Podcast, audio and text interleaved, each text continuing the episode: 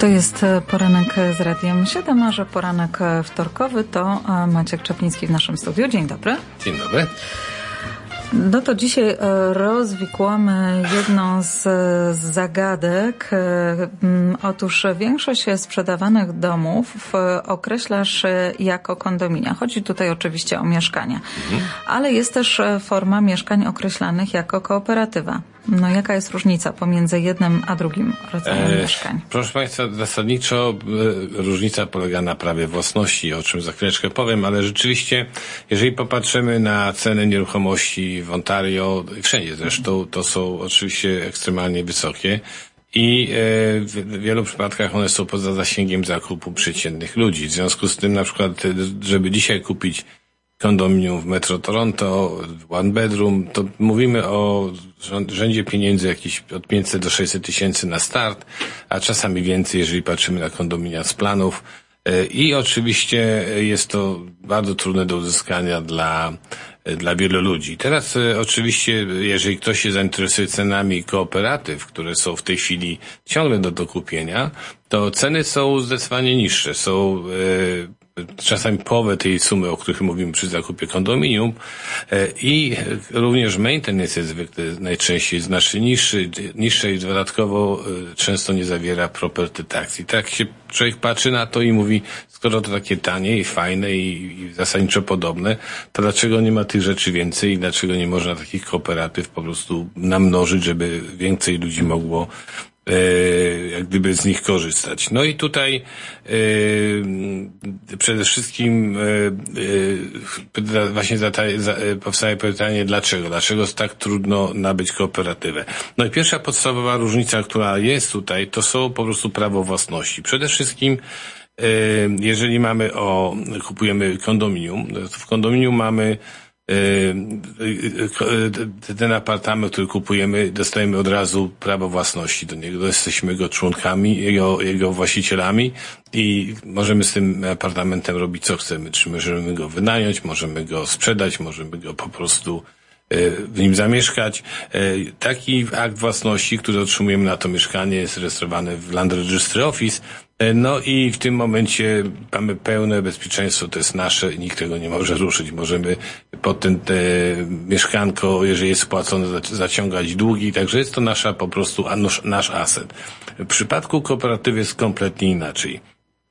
Owszem, budynek, e, na którym leży, powiedzmy, e, kooperatywa, jest własnością spółdzielni, czyli generalnie rzecz biorąc, która ma, ma swój własny regulamin. Czyli jak gdyby kupując w cudzysłowie mieszkanie w, w kooperatywie, to tak naprawdę nie, kup, nie, nie, kupujemy mieszkania, tylko kupujemy shares, udziały w, w kooperatywie. Czyli każde mieszkanie, które tam jest y, częścią tej kooperatywy, ma określoną liczbę shares i my, kiedy wchodzimy jako potencjalny kupujący, to nie mamy tak, że mamy y, mieszkanie, tylko mamy shares w kooperatywie i mamy ekskluzywne prawo do używania tego mieszkania, y, które kupujemy. No innymi słowy, e, właśnie e, nabywca nie nabywa mieszkania, które może po prostu potem dowolnie odsprzedawać, tylko ma udziały w kooperatywie. No i oczywiście, e, tak jak powiedziałem, w przypadku, w przypadku zakupu kondominium, kupujący od, od razu jest właścicielem, może robić wszystkie rzeczy, które z tym kondominium chce.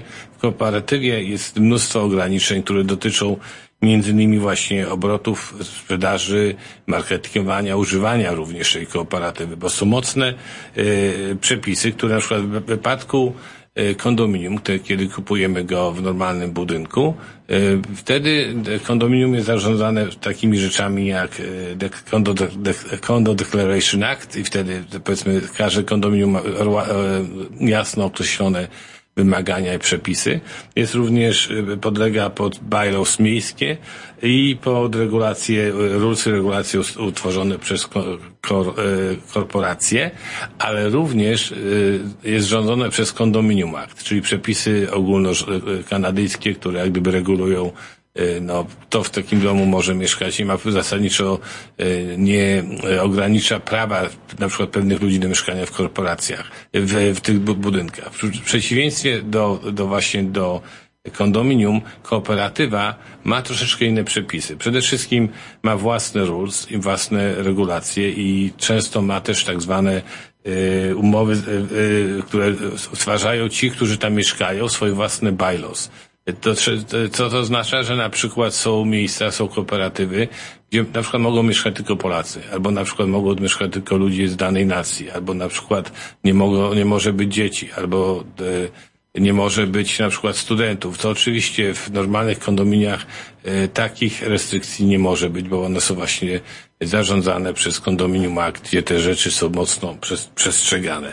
I teraz jeżeli chodzi o E, e, na przykład hipoteki. Jeżeli na przykład Państwo kupujecie dom, e, normalne, normalne kondominium, to oczywiście możecie pójść do banku, możecie złożyć podanie o o mortgage, nawet jeżeli macie 5% down paymentu, nie ma problemu, zwykle jest to robimy aplikację, dostajemy mortgage przydzielony, e, uznany, możemy mieszkanie kupić nawet z minimalnym 5% e, wpłatą.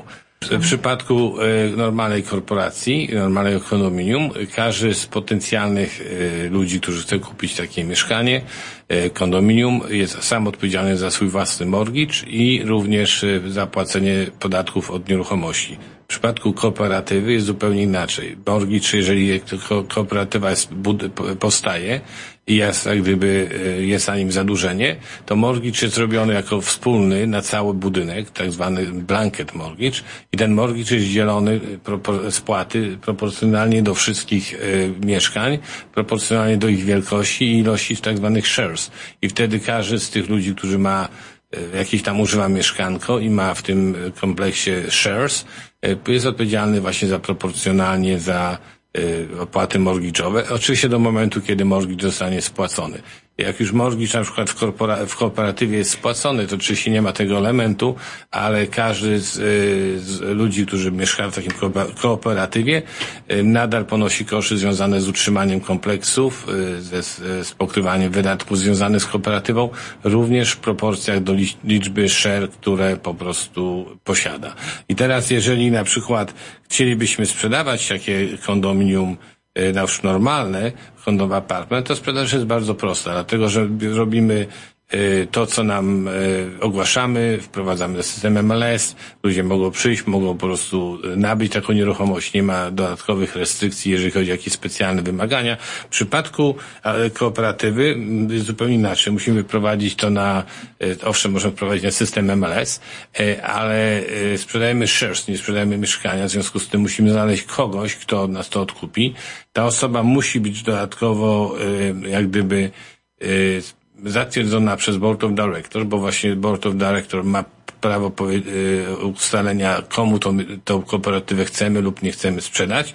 No i przede wszystkim, jak powiedziałem, finansowanie tego typu obiektów, właśnie jak kooperatyw jest niezwykle trudne, dlatego że o ile w przypadku kondominium Y, bank może założyć mortgage na poszczególny unit w wypadku, gdyby na przykład ktoś nie spłacał, może zastosować prawo of, y, y, power of sale, żeby odzyskać ten unit, to w przypadku kooperatywy banki bardzo niechętnie użyczają pieniędzy, nawet Credit Union nie bardzo się w to chcą angażować, bo nie można zarejestrować mortgage'u na korporacji. I to jest właśnie ten największy problem, dlaczego kooperatywy są trudne do sprzedaży i tak mają mało, y, mało popularność wśród normalnie inwestorów, wśród ludzi, którzy y, tego typu inwestycje by patrzyli. Y, generalnie rzecz biorąc, żeby kupić kooperatywę, to praktycznie biorąc trzeba mieć gotówkę, bo tylko w ten sposób się te transakcje uda załatwić. Robimy krótką przerwę i za chwilę wracamy do rozmowy.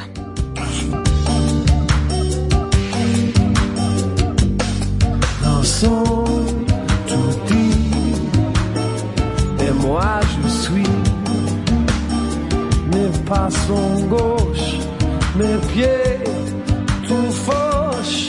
Je crains je cherche enfin le.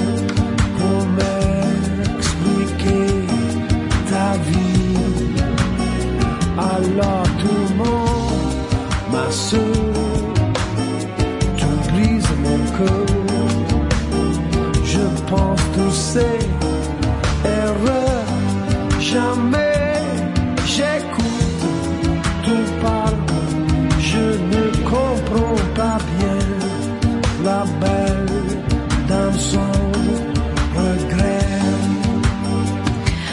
Wracamy do rozmowy z Maćkiem Czaplińskim, a dzisiaj e, rozmawiamy o, o różnicy pomiędzy e, mieszkaniem własnościowym a kooperatywą. No właśnie, tak już Państwo wiecie, że mieszkanie własnościowe to jest naszą własnością, mieszkanie w kooperatywie jest własnością korporacji, która nam e, życzliwie użycza możliwość mieszkania w tym mieszkaniu w zamian za spłacanie, powiedzmy, płacenie. Maintenance. E, To jest ciekawe też, że podatek od nieruchomości jest, e, na przykład w kondominium każdy płaci sam, w kooperatywach on jest e, rozbijany, e, podatek jest ustalany na cały budynek, on jest rozbijany proporcjonalnie do e, tego, ile każdy ma shares i właśnie e, podatek e, property tax jest płacony razem z maintenance, czyli przypadku kooperatywy nie płacimy osobno podatku od nieruchomości, tylko to jest wszystko zawarte w maintenance.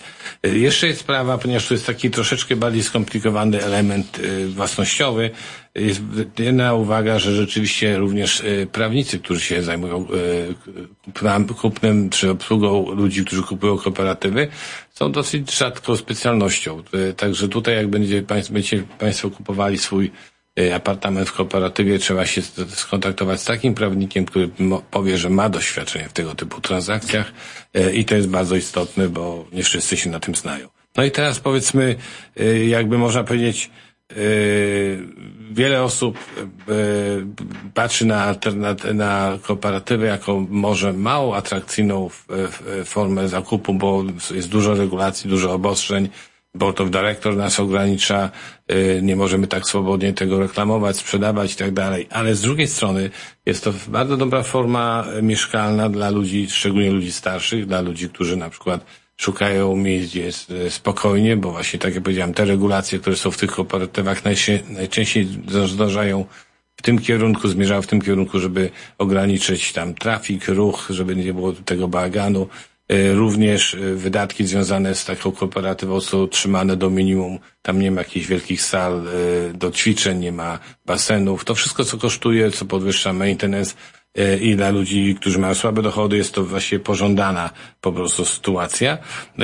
Również tak jak powiedziałem, maintenance jest zwykle trzymany bardzo nisko przez to, że są ograniczone services, a często właściciele, członkowie kooperatywy nawet czasami wykonują pewne prace y, na, jak gdyby na y, y, poczet prac społecznych po to, żeby również obniżyć te sprawy związane z wydatkami. Także Prosta odpowiedź, Agata, kondominium to jest bardziej dla ludzi, którzy myślą o, zmianach, o przeprowadzkach, o sprzedaży, o wynajmowaniu, o inwestycji, prawda? To, bo to jest proste. Ale kooperatywa to jest bardziej dla, dla ludzi, którzy chcą mieszkać spokojnie e, i z dala jak gdyby od zgiełku. Jedyny minus, żeby problem z nabyciem, że trudno jest je sfinansować i trudno dostać na nie. No ja chciałem Państwu podziękować za uwagę. Do usłyszenia za tydzień. Zbliżają się święta, tak już na pewno mam nadzieję, że Państwo choinki już ubierają. My też musimy naszą choinkę ubrać, ubrać do 7, bo jest na to najwyższa pora. No i zapraszamy do słuchania nas przez cały okres świąteczny i poświąteczny. Dziękujemy bardzo. Maciek Czapliński był naszym gościem.